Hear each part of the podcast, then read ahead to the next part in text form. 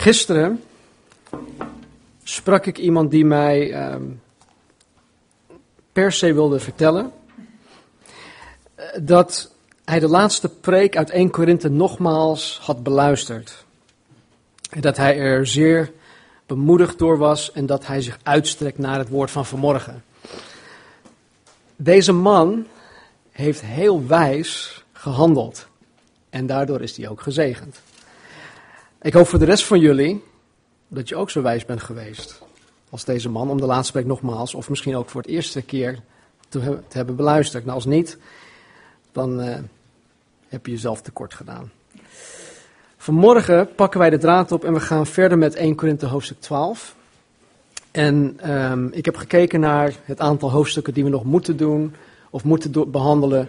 En de tijd die we daarvoor hebben voor het eind van het jaar. En mijn intentie is om 1 Korinthe aan het eind van het jaar 2010 gewoon helemaal af te hebben. En zodat we in uh, januari 2011 met een nieuw Bijbelboek uh, kunnen gaan beginnen. En dan wil ik je ook vragen om gewoon vanaf vandaag, de komende dagen, weken, maanden te bidden. Um, dat de Heer ons zal laten zien welk boek wij hierna moeten gaan behandelen. En dat, het, um, dat we dat weten. Maar vandaag pakken we het op um, in 1 Korinthe hoofdstuk 12. En dan pak ik het op bij vers. Uh, vanmorgen bij vers 17, maar laten we beginnen met vers 12. Want, uh, 1 Corinthians 12, um, 12. Want zoals het lichaam één is en vele leden heeft, of delen, en al de leden van het ene lichaam, hoewel het er vele zijn, één lichaam zijn, zo ook Christus. Ook wij allen immers zijn door één geest tot één lichaam gedoopt, of we nu Joden of Grieken zijn, slaven of vrijen. En wij allen zijn van één geest doordrenkt. Want ook het lichaam bestaat niet uit één lid, maar uit vele. Als de voet zou zeggen, omdat ik de hand niet ben, ben ik geen deel van het lichaam, is hij daarom dan niet van het lichaam? En als het oor zou zeggen, omdat ik het oog niet ben, ben ik niet van het lichaam, is het daarom dan niet van het lichaam? Als het hele lichaam oog was, waar zou het gehoor zijn? Als het hele lichaam gehoor was, waar zou de reuk zijn? Maar nu heeft God de leden elk van hen afzonderlijk in het lichaam een plaats gegeven, zoals Hij gewild heeft. Als zij alle één lid waren, waar zou het lichaam zijn? Nu echter zijn er wel veel leden, maar is er slechts één lichaam. En het oog kan niet zeggen tegen de hand, ik heb je niet nodig. Of vervolgens het hoofd tegen de voeten, ik heb jullie niet nodig. De leden van het lichaam die de zwakste schijnen te zijn, zijn echter juist zeer noodzakelijk. En aan de leden van het lichaam die wij als minder eervol beschouwen, verlenen wij groter eer en onze oneerbare leden krijgen een hogere eer. Onze eerbare leden echter hebben dat niet nodig. Maar God heeft het lichaam zo samengesteld dat hij aan het lid dat tekort komt groter eer gaf. Opdat er geen verdeeldheid in het lichaam zou zijn, maar de leden voor elkaar gelijke zorg zouden dragen.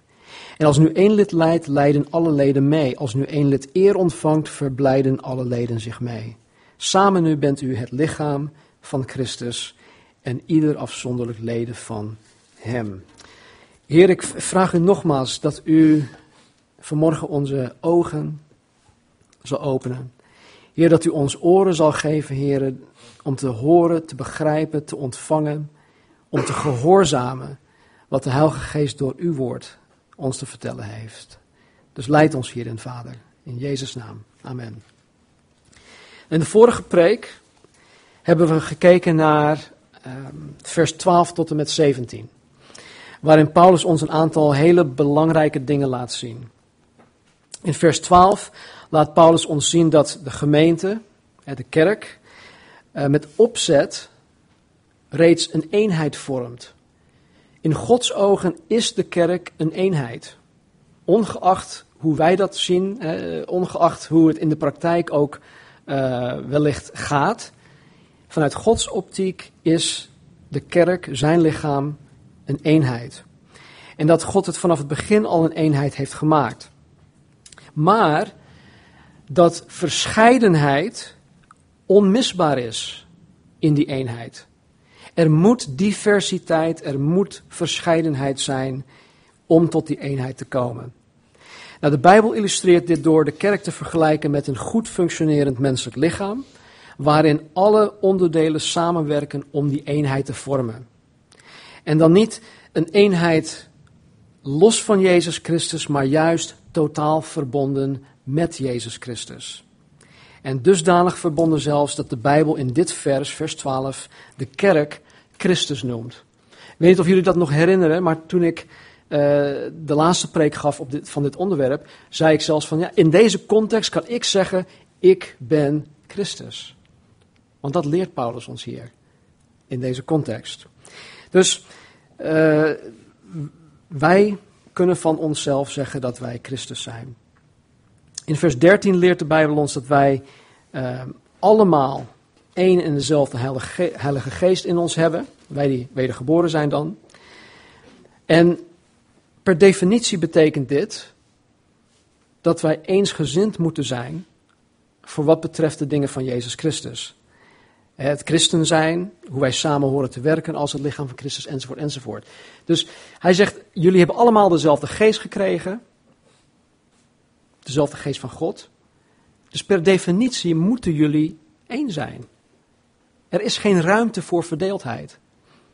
De vergelijking die ik nu geef gaat niet helemaal op, maar um, je kan het vergelijken um, aan een besturingssysteem op computers. Als je bijvoorbeeld een Microsoft Windows besturingssysteem hebt op je PC, dan zijn de softwareprogramma's die daarvoor geschreven zijn alleen te draaien op een PC met het Windows besturingssysteem. Dus alle softwareprogramma's die voor Windows geschreven zijn, zijn wat, we, wat ze noemen Windows compatible. En wat inhoudt dat zij theoretisch foutloos in een Windows-omgeving horen te functioneren en of samen te werken. Wij, die de Heilige Geest in ons hebben wonen, zijn allemaal stuk voor stuk Heilige Geest compatible. Volg je dat? En wat inhoudt dat wij als kerk naar Gods maatstaven horen en kunnen functioneren. Het staat al vast. Wij kunnen dat. We hebben allemaal hetzelfde, als het ware, hetzelfde besturingssysteem. De Heilige Geest. Nou, vers 17 of 14 tot 17 tackelt Paulus het probleem van het minderwaardigheidsgevoel dat sommige christenen in Korinthe hadden.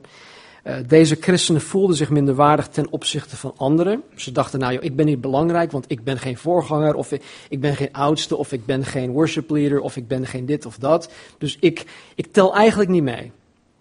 Dus waarom zou ik? ze hadden een, een minder, minderwaardigheidscomplex. En dat is absoluut niet Gods bedoeling.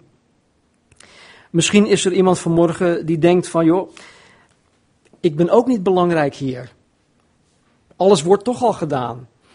Als ik hier s ochtends aankom, dan is alles al klaar en alles is gedaan. En waarom zou ik? Ik ben toch niet belangrijk. En misschien denk je dat je niets of weinig bij te dragen hebt in het reilen en zeilen van deze plaatselijke kerk. En misschien voel je je vanmorgen dusdanig minderwaardig ten opzichte van anderen. Nou, als je dat hebt of als je dat bent, dan heb ik heel goed nieuws. Want in vers 18 zegt Paulus dit. En daar pakken we het vanmorgen op. Maar nu, nu heeft God de leden, dus de onderdelen, elk van hen afzonderlijk in het lichaam een plaats gegeven zoals Hij gewild heeft. God heeft voor een ieder van ons een plaats. Of je nu weet wat die plaats is of niet, dat is even, dat even terzijde. Maar het feit is dat God voor een ieder van ons een plaats heeft zoals Hij het wil. Voor een ieder. Laat, laat deze waarheid alsjeblieft tot je doordringen. Eh, dat, dat God zelf een ieder van ons een plaats gegeven heeft zoals Hij het gewild heeft. Eh, ik denk dat wij allemaal stuk voor stuk willen, eh, dat, we, dat we allemaal bereid zijn, dat we, dat, we, dat, dat we God willen dienen, dat we God willen gehoorzamen, dat wij Gods wil willen doen. Dat we dat tot uitvoering in ons leven willen brengen. Dat Gods wil centraal staat in ons leven. Nou, het feit dat Hij een plaats heeft zoals Hij het wil, dat, dat staat vast. En het is aan ons om dat gaandeweg te gaan ontdekken. Maar daar kom ik zo meteen op terug. Denk even aan degene in ons midden die uh, onze aanhanger. Ik weet niet of iedereen het weet, maar wij hebben een, een aanhanger um, als, als kerk. Het is een hele mooie aanhanger. Maar die zit vol met, met al deze spullen. We hebben vier karren uh, waarop de meeste van deze spullen op, op komen te staan. Die worden dan in, in, de, in de aanhanger geplaatst. En elke week, week in week uit, moet die trailer, of die aanhanger opgehaald worden. Het moet hier naartoe gesleept worden. En dan wordt het, moet het vervolgens weer volgeladen worden en, en weer weggezet worden. Nou, denk even aan degene die dat week in en week uit doen. Ten opzichte van de taak van het aanbiddingsteam of de taak van de voorganger, kan het zo zijn dat die persoon zich eventueel minderwaardig zou kunnen voelen. dat die personen denken dat hun bijdrage niet echt belangrijk is. Of dat het niet meetelt in de algehele geestelijke bediening van deze kerk. Want ja, bijna iedereen die een, een B-rijbewijs heeft, die een beetje kan rijden, die een, die een trekhaak heeft, ja, iedereen kan zo'n zo'n zo'n aanhanger meeslepen, toch? Dus ja, uh, voor, uh, voor jou tien anderen. Dat zou de gedachte eventueel kunnen zijn. Maar weet je, dat is een leugen. Dat is een leugen. Ten eerste zouden wij onze diensten niet kunnen houden in deze vorm zonder dat iemand zichzelf opoffert om de aanhanger hier naartoe te brengen. Ten tweede is het niet zozeer de daad van het meeslepen van die aanhanger dat telt. Wat telt, en dit is heel belangrijk, is dat die persoon zichzelf dienstbaar opstelt. Die persoon moet veel vroeger dan de meeste van ons een bed uit. Die persoon moet veel vroeger dan de meeste het huis uit. Ik durf zelfs te zeggen dat wanneer wij hier aankomen met die aanhanger, dat sommigen van jullie nog in bed liggen. Het heeft ook een impact op zijn gezin. En de, Raymond, en, en de reden dat iemand dit week in en week uit doet, is niet dat hij zichzelf ziet als de toegewezen aanhangertrekker. Dat heeft hij op zijn borst. He? Ik ben de aanhangertrekker. Kijk mij eens. Nee. Hij doet dat omdat hij de Here en de kerk ons van harte wil dienen. Misschien denk je helemaal niet van jezelf dat je minderwaardig bent. dat kan ook. Maar uh, je weet gewoon niet op dit moment wat jouw plaats is in deze kerk. En ik denk dat dit voor velen het grootste probleem is. Wat is mijn bediening? Wat is mijn, mijn, mijn roeping? Wat is mijn gave? En, en noem maar op. Wat moet ik doen? En je kan ervoor bidden je kan ervoor bidden dat God je dat laat zien, uh, dat hij je laat zien welke plaats hij jou in de gemeente heeft gegeven. En ik hoop ook dat jullie dat überhaupt doen. Maar bidden alleen, bidden zonder dat je actie onderneemt, zal niets opleveren. Je kan de rest van je leven blijven bidden, Heer, oh Heer, laat me zien wat ik moet doen, laat me zien wat ik moet doen. Vergeet het maar. Je houdt jezelf voor de gek. Je moet in beweging komen. Ik wil niet opscheppen, maar ik wil even gewoon iets, iets vertellen om, om een, een, een, ja, een punt duidelijk te maken. Toen ik net tot geloof was gekomen en voor het eerst in onze thuiskerk, um, Calvary Chapel of Santa Clarita, binnenkwam, uh, nadat ik kennis gemaakt had, de dienst had bijgewoond, na afloop van de dienst vroeg ik aan de voorganger van, joh, wat kan ik, wat kan ik doen om, om, om mee te helpen? En wat kan ik doen om, om een steentje bij te dragen? En hij zei, joh, wees, wees er volgende week zondag gewoon om acht uur. En uh, dan kan je meehelpen met de schoonmaak van de zalen uh, en dat soort dingen. En met opbouwen. Ruim een jaar daarvoor was ik tot bekering gekomen. Maar ik was vol van mijn nieuw leven in Christus. Super dankbaar eh, dat ik Hem uh, gewoon wilde dienen. Het was iets natuurlijks. Ik, ik wilde Hem dienen. En het maakte me totaal niet uit wat ik moest doen. Ik begon inderdaad met het in- en uitladen van de aanhanger. Wij hadden toen ook een aanhanger. Was niet zo mooi als die van ons. Maar daar begon ik mee. Ik begon met het schoonvegen van zalen, het schoonmaken van de wc's, uh, tafels afnemen, stoelen afnemen, stoelen en tafels en geluidsapparatuur opzetten, enzovoort, enzovoort. Nou, ons gezin, die destijds nog een stuk jonger was, Alyssa was pas geboren, Kendall hadden we nog niet, hebben in die gemeente, die kerk, twee jaar lang op die wijze gediend. En ik heb twee jaar lang gewoon deze werkzaamheden elke week, week in de week uit gedaan. Maar gaandeweg, gaandeweg zag God, of zag ik, dat ik serieus omging met het dienen op deze praktische wijze. Ik ging er gewoon serieus mee om. En gaandeweg begon God mij steeds meer en meer verantwoordelijkheid te geven. Op een gegeven moment wilde ik mijn, mijn drumtalent gebruiken om de Heer te dienen. Ik speelde daarvoor in mijn heidens leven in een rockband. Toen had ik lang haar en, nou, drumde. Maar ik wilde dat nu gewoon voor de Heer gebruiken. Dus nadat ik mijn wens aan de aanbiddingsleider kenbaar had gemaakt, plaatste God mij in het worshipteam. En toen ik mezelf als trouw lid van het worshipteam bewees, plaatste God mij voor een tijdje als hoofd van het worshipteam. Ik wilde ook mijn, mijn Bijbelkennis met mensen delen. ik groeide heel snel ineens. Maar ik, wilde mijn, ik, ik, ik moest mijn ei kwijt. Ik, ik, ik wilde mijn Bijbelkennis delen met mensen. Dus nadat ik die wens aan mijn voorganger bekendgemaakt had, plaatste God mij in de zondagschool. Waar ik vijf- en zesjarige kindertjes over Jezus Christus mocht vertellen. En hun de Bijbel, uh, voor hun de Bijbel mocht openen. Vervolgens kreeg ik van mijn voorganger ook de gelegenheid om op meerdere door de weekse uh, samenkomsten uh, ja, Bijbelstudies te kunnen geven. Om to get my feet wet. Om te mogen proeven van hoe dat, hoe dat eruit ziet. En ondanks dat ik meer verantwoordelijkheid kreeg, bleef ik meehelpen met de schoonmaak, het laden en lossen van de aanhanger, het opbouwen en afbreken. En uiteindelijk kwam ik tot de ontdekking, na ongeveer drie jaar, dat God mij als voorganger in het lichaam van Christus wilde plaatsen. En nu, 17 jaar later, sta ik hier. En nogmaals, ik, ik, vertel het absoluut niet om op te scheppen, maar om een essentieel punt duidelijk te maken.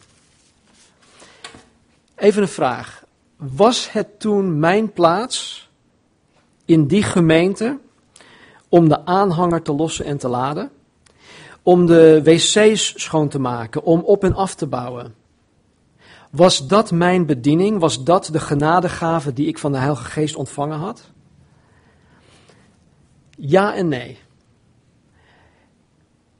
Nee, omdat het ten eerste ervoer ik dat gewoon als het is mijn plicht. Jezus Christus heeft mij leven gegeven, eeuwig leven. Dat begon al hier op aarde. Het allerminst wat ik kan doen, is Hem en zijn mensen, zijn kerk te dienen, al is het op een hele praktische wijze. Dus ik, ik zag het als mijn plicht. En nadat ik tot ja, het besef was gekomen, zoals ik net zei, van wat en hoeveel Jezus Christus voor mij heeft gedaan, was mijn respons daarop dat ik koste wat kost Hem en zijn plaatselijke gemeente wilde dienen. En gaandeweg, door niet vermoeid te raken in het doen van het goede, waar we, waar we vorige week over hadden, heeft God zijn roeping op mijn leven bekendgemaakt. De plaats die God mij gegeven heeft in deze plaatselijke gemeente werd me pas duidelijk nadat ik in beweging was gekomen en daarin trouw bent gebleven. Dus, als jouw probleem vanmorgen is dat je niet weet wat je plaats is in deze gemeente, of in de algehele gemeente van Jezus Christus, dan ligt het meest waarschijnlijk aan het feit dat je geen stappen durft te zetten. En zoals ik zo even al bad, het hoeft niet eens een gigantische geloofstap te zijn. Het kan gewoon een stapje zijn. En het hoeft niet eens een geloofstap te zijn, maar gewoon een stap. Een stap.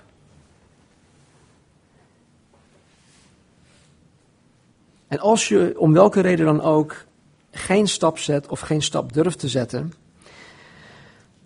dan durf ik te zeggen dat je op die manier, als je daarin volhardt, dan zal je nooit tot die plaats komen waarvan je zegt van ik weet precies wat God van mij vraagt. En ik weet precies de plaats die God voor mij heeft. In het koninkrijk van God. Tegenwoordig wordt er zoveel nadruk gelegd op het ontdekken van je gaven. Er zijn gaventesten die je zogenaamd uh, kunnen helpen om je gaven te ontdekken. En ik denk dat ze wel hun waarde kunnen hebben. Dit is even mijn eigen mening hoor. Eh, vergeef me als ik, als ik je hiermee. Uh, uh, oh, voor je kop stoot of zo, zeg dat goed? Maar er zijn gaventesten die je dan zogenaamd kunnen helpen om je gaven te ontdekken. Er zijn profetiescholen, apostelschapsscholen. Er zijn zoveel dingen die je, die je, die je trachten te helpen om um, je gaven te gaan ontdekken. En nogmaals, begrijp me alsjeblieft niet verkeerd. Als je een voorstander bent van deze dingen, is dat prima. Maar ik vind persoonlijk dat het nastreven van de gaven en de bedieningen veel te vaak ten koste gaat van het ontdekken van de gaven en bedieningen. Ja, het, het nastreven van gaat ten koste van het ontdekken van. Wat ik hiermee bedoel is dit. Er wordt bijvoorbeeld een woord uitgesproken over iemand dat God hem tot een, ik noem maar wat, een bijbelleraar wil maken. Ten eerste streelt zo'n uitspraak het vlees enorm. Als ik als jonge, onvolwassen, vleeselijke christen iemand tegen mij hoor zeggen van, oh Stan, jij wordt bijbelleraar. Joh, dan krijg ik zo'n kop. En dan ga ik, ga ik me daarnaar streven. Ik ga het najagen. Kost wat kost. Dus het streelt het vlees enorm. En die persoon die raakt dan dusdanig gefixeerd op het woorden van een bijbelleraar, dat hij als gevolg niets anders wil doen om de Heer en zijn kerk te gaan dienen. Want hij is bijbelleraar, opkomend. Al dat andere, dat nee, nee, nee, dat, dat, nee, nee. Lossen en laden van een aanhanger. Nee, ik ben bijbelleraar, of ik word het. Ik ken iemand die zich geroepen voelt om voorganger te worden. Maar deze persoon is te beroerd om zich trouw te bewijzen in de kleine dingen. En door zijn instelling heeft hij zichzelf uitgeschakeld. En God zal hem geen bediening geven. Hij zou wel misschien iets gaan doen dat op een bediening lijkt, maar het is geen door God gegeven, aangewezen bediening. En het zal ook geen blijvend vrucht dragen. Gegarandeerd. Misschien vinden sommigen van ons eh, dat het hier binnen de Calvary Chapel veel te langzaam gaat. En dat we veel te weinig vooruitgang boeken. En dat het, ja, uh, we zijn nu al drieënhalf jaar bezig, maar ja, kijk hoe klein we nog zijn en whatever. Uh, soms denk ik ook wel van, joh, het, ja, soms lijkt het alsof het zo langzaam gaat. Nou, ik ben er stellig van overtuigd dat de reden dat dingen stagneren, is omdat sommigen zitten te wachten op een brief uit de hemel, oftewel misschien een functieomschrijving, voordat je de stap zet om iets te willen betekenen, om mee te helpen. En als dat zo is, dan raad ik je aan om jezelf dienstbaar op te stellen jezelf op te offeren en bereid te zijn om zelfs de meest onbenullige dingen te gaan doen die nodig zijn. Zo kom je tot de ontdekking. Dat zijn de eerste stappen. En weet je, om hier om half negen zondags te komen, om helpen met stoelen op te zetten, de, de zaal vegen. Daar hebben, we, daar hebben we eigenlijk geen tijd voor. Kijk, er liggen hier allemaal vlekken op de grond. Liefst zou ik dat helemaal schoon willen hebben. Maar daar hebben we gewoon geen tijd voor. Dat vergt totaal geen geloof. Om hier op zondag om, om half negen te zijn. Het vergt geen geloof van jou.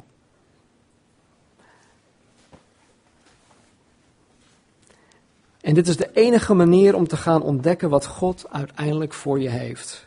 De plaats in het lichaam die God voor je wil. Er zijn geen shortcuts. Er zijn geen sluiproutes naar die plaats waar God je hebben wil. Je moet volgens Gods normen, volgens zijn regels, moet je daar zien te komen. En God heeft de leden, de onderdelen, elk van hen afzonderlijk in het lichaam een plaats gegeven zoals Hij gewild heeft. En dus doe alsjeblieft wat nodig is om die plaats te gaan ontdekken. Doe het alsjeblieft. Want als je dat niet doet, dan doe je jezelf, Jezus Christus en zijn kerk veel tekort. Vers 19. Als zij, en 20. Als zij alle één lid waren, hè, dus stel, als we allemaal een, een, een pot met ogen waren of zo, dan waar zou het lichaam zijn? Eh, nu echter zijn er wel veel leden, maar het is slechts één lichaam. Met andere woorden, als iedereen was een oog was, of als iedereen een oog was, dan is er geen sprake van een lichaam. Maar door Gods ontwerp zijn er vele verschillende delen en die delen vormen het ene lichaam. Vers 21. Het oog kan niet zeggen tegen de hand, ik heb je niet nodig. Of vervolgens het hoofd tegen de voeten. Nu heeft hij het niet tegen, of over, het, over Jezus Christus als het hoofd, maar echt het fysieke hoofd van een menselijk lichaam. Het hoofd kan tegen de voeten zeggen, ik heb jullie niet nodig. In het vorige gedeelte spreekt Paulus tot de individualisten. Die zeggen, ah joh, ze hebben mij niet nodig. Alles wordt geregeld ik ben toch minder waardig, ik kan niks, ik, uh, ik doe toch niet mee, ik tel niet mee. Dit zijn degenen met, met een minderwaardigheidscomplex. Nu vanaf vers 21 spreekt Paulus tot de individualisten die zeggen, ik heb hun niet nodig.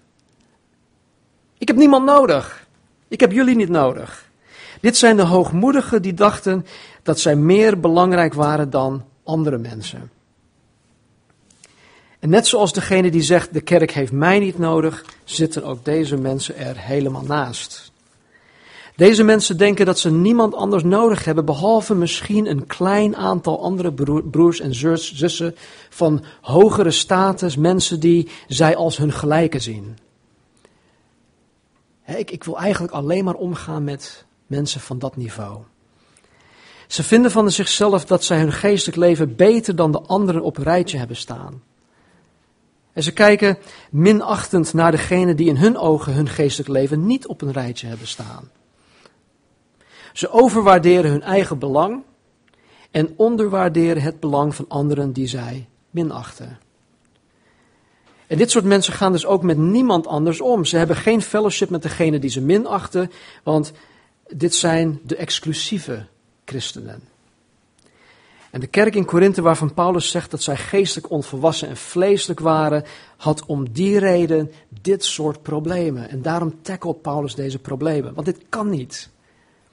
Dit kan absoluut niet. In de wereld is dit de, meest normale, uh, normaalste zaak van, van, van de wereld. Maar in de gemeente van Jezus Christus hoort dit niet.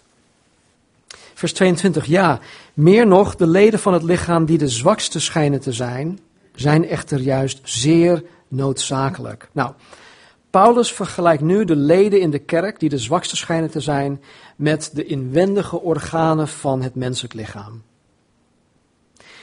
Mensen denken vaak onterecht, ik ook, dat onze ogen of handen of benen de allerbelangrijkste lichaamsdelen zijn. Maar dat is niet zo. En ieder van ons kan blijven leven en zelfs in Gods koninkrijk blijven functioneren zonder ogen. Ik kan blijven leven en blijven functioneren zonder handen of zonder benen. Maar zonder je dikke darm, zonder je longen, zonder je lever, kan je niet leven. Laat staan, God dienen. Eh, hoe vaak denken jullie nou, eh, serieus, hoe, vaak denken jullie nou aan je dikke darm? Of aan, uh, aan je lever? Nou, ik niet. Ik heb geen piercings op mijn dikke darm.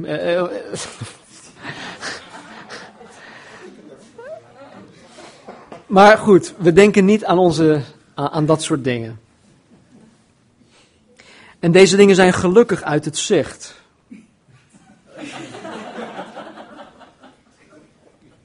En ze doen hun werk achter de schermen. Ze vallen totaal niet op. Totdat, totdat ze stoppen met hun werk. Dan staat alles op zijn kop. Dan besef je pas hoe belangrijk deze zwakke lichaamsdelen zijn. En dus ook de mensen in de kerk, degene die buiten het zichtveld heel trouw de Here en jou dienen door onder andere elke morgen vroeg op te staan om voor je te bidden. Zoals Paulus zegt, zijn deze juist zeer noodzakelijk. Vers 23. En aan de leden van het lichaam die wij als minder eervol beschouwen, verlenen wij groter eer. En onze oneerbare leden krijgen een grotere eer. Wij als fatsoenlijk en bescheiden mensen bedekken onze lichaamsdelen die wij als minder eervol beschouwen. Denk aan, ehm, denk aan onze romp, onze billen, onze geslachtsdelen. Ik zou hier niet voor jullie met blote bas staan. Nee, ik, ik, ik heb het bedekt. Wij doen ons uiterste best om, ons, om, om deze lichaamsdelen eer te betonen door ze te bedekken met kleding. Onze eerbare leden, vers 24 echter, hebben dat niet nodig. Maar God heeft het lichaam zo samengesteld dat hij aan het lid dat tekort komt groter eer gaf. Nou, ons, ons hoofd, eh, onze, onze handen, de lichaamsdelen die wij misschien juist willen laten zien, die hebben geen bedekking nodig. En dus de mensen in de kerk die achter de schermen heel trouw zijn in het dienen van de Heer, de mensen van Calvary Chapel die niet opvallen, God zal deze mensen op zijn wijze, op zijn tijd, de grote of grotere eer geven. Vers 25 opdat er geen verdeeldheid in het lichaam zou zijn, maar de leden voor elkaar gelijke zorg zouden dragen. Nogmaals, vanuit Gods oogpunt, door de kerk te vergelijken met een menselijk lichaam en hoe het functioneert, is er geen enkele reden um, tot verdeeldheid. Of, of waarom er verdeeldheid moet zijn. Sterker nog, zoals elk menselijk lichaamsdeel het gehele lichaam dient, hè, zonder onderscheid te maken, zo horen ook wij zonder onderscheid te maken voor elkaar te zorgen. In een gezond en goed functionerend menselijk lichaam werken alle delen samen. Alle, of ja, elk elk cel, eh, alle miljarden cellen, die, die werken allemaal samen om het lichaam te dienen, het gehele lichaam. Het hart voorziet niet alleen zichzelf van bloed en zuurstof. Nee, het hart voorziet het hele lichaam van bloed en zuurstof en nog meer dingen. Eh, het dient het hele lichaam. Soms eigenlijk in mijn optiek veel te vaak, ontstaat er iets in een menselijk lichaam dat alleen maar bestaat om zichzelf te dienen. Het draagt totaal niets bij aan het functioneren van de rest van het lichaam. En alle voedingsstoffen en energie die het kan verzamelen, wordt alleen gebruikt om zichzelf te voeden en te doen groeien. Wij noemen dat kanker. Kanker is verwoestend. Het verwoest mensenlevens. Het verwoest menselijke lichamen. En het hoort absoluut niet zo te zijn dat wij alleen onszelf dienen. Vers 26. Als één lid leidt, leiden alle leden mee. Als één lid eer ontvangt, verblijden alle leden zich mee.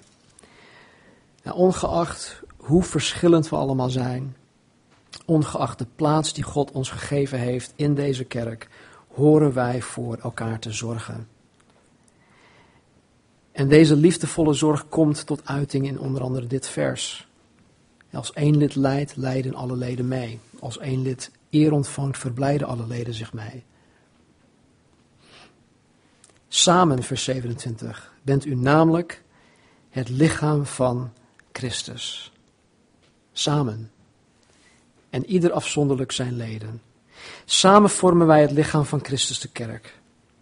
Maar in ieder van ons is afzonderlijk een onderdeel van het geheel en het is de verantwoordelijkheid van elk onderdeel om zijn of haar werk trouw te doen. Het is ieders verantwoordelijkheid om zijn of haar plaats in deze plaatselijke gemeente te gaan ontdekken. En zich daar helemaal op toe te leggen. Waar ik vorige keer mee begon is die 80-20 regel. Het Pareto-principe. Nou, deze kerk is geen plaats waar de 80-20 regel van toepassing is. Misschien accepteren andere voorgangers dat wel. Maar dat wil ik niet. Ik wil het ook niet accepteren. En ik wil er alles aan doen om dat, uh, om dat niet zo te laten gaan. En ik zal niemand vragen om iets te doen wat ik zelf ook niet zou willen doen. De kerk is geen plaats waar de 80-20 regel van toepassing is. De kerk vereist 100% deelname. Hoe klein of onbenullig je ook zou kunnen denken dat jouw bijdrage is. Het is belangrijk. Jij bent belangrijk. Heel belangrijk. Laten we bidden. Heren, dank u wel dat u ons geroepen heeft, Heer, uit de duisternis tot het koninkrijk van uw licht. Heer, dat u ons geroepen heeft uit de leugen, Heer, tot de waarheid, uit de dood tot het leven. Het leven in overvloed. En heren, wij vergeten zo, zo, zo gauw, Heer, en zo vaak wat u allemaal voor ons gedaan heeft en wat u aan het doen bent en wat u voor ons in petto heeft. Heren, we, gaan, of we zijn zo gauw bepaald door de drukte, heren, in onze samenleving. De druk die op ons gelegd wordt door onze werkgevers, de scholen waar we naartoe gaan. Deze samenleving, Heer, het, het, is uh, dusdanig ontworpen eigenlijk om ons van u weg te houden. Dus Heer, help ons. Help ons, Heer, om gigantische grote stappen in geloof te zetten. Tegelijkertijd, Heer, help ons om überhaupt een stapje te gaan zetten. Help ons. U wil het, Heer. U heeft voor een ieder van ons een plaats in de gemeente naar uw goede, welgevallige en volmaakte wil. O Heer, we doen onszelf zo, zo tekort als wij die plaats niet gaan ontdekken. En Heer, we willen de Satan absoluut niet de, de overwinning geven, Heer, dat hij ons zal en kan beroven van datgene wat u voor ons heeft. Dus Heer, help ons. Beweeg ons, Heer. Laat het woord Vanuit 1 Korinthe, Heer, door de geest in onze harten bevestigd worden. En Heer, u bent degene die doorgaat met ons, ook na dit moment, na deze middag, na morgen. En Heer, u bent degene die een goed werk begonnen bent. In ons als individu en in ons als plaatselijke gemeente. Heer, en u bent degene die het tot voleinding zal brengen. U bent getrouw. U bent bij machten. En Heer Jezus, u willen wij navolgen. Niet als individualisten die zeggen, oh ze hebben mij niet nodig. Of ik heb jou niet nodig. Maar Heer, als, als nederige kinderen van God. Die beseffen dat we elkaar juist nodig hebben. Dat we elkaar in liefde en genade horen te dienen. Dank u, Heer. Dank u wel voor uw trouw. Dank u wel voor uw woord. En ik bid, Heer, dat u in ieder van ons, Heer, zal bewegen. En zegenen.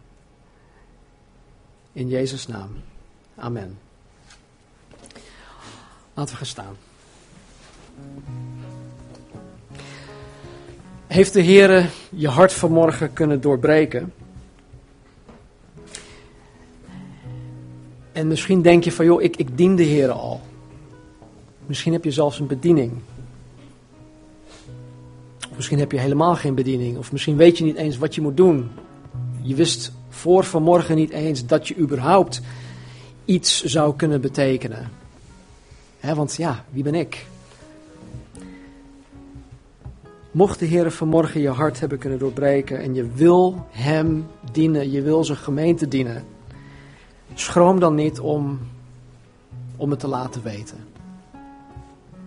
En doe het niet omdat ik het vraag, maar zuiver en alleen doordat Jezus Christus door zijn woord, door zijn geest tot je hart gesproken heeft. Dus wees daarin gezegend, wees daarin bemoedigd, wees niet ontmoedigd hierdoor, maar laten we ervoor gaan. Ga ervoor, samen, in de naam van Jezus. God zegen.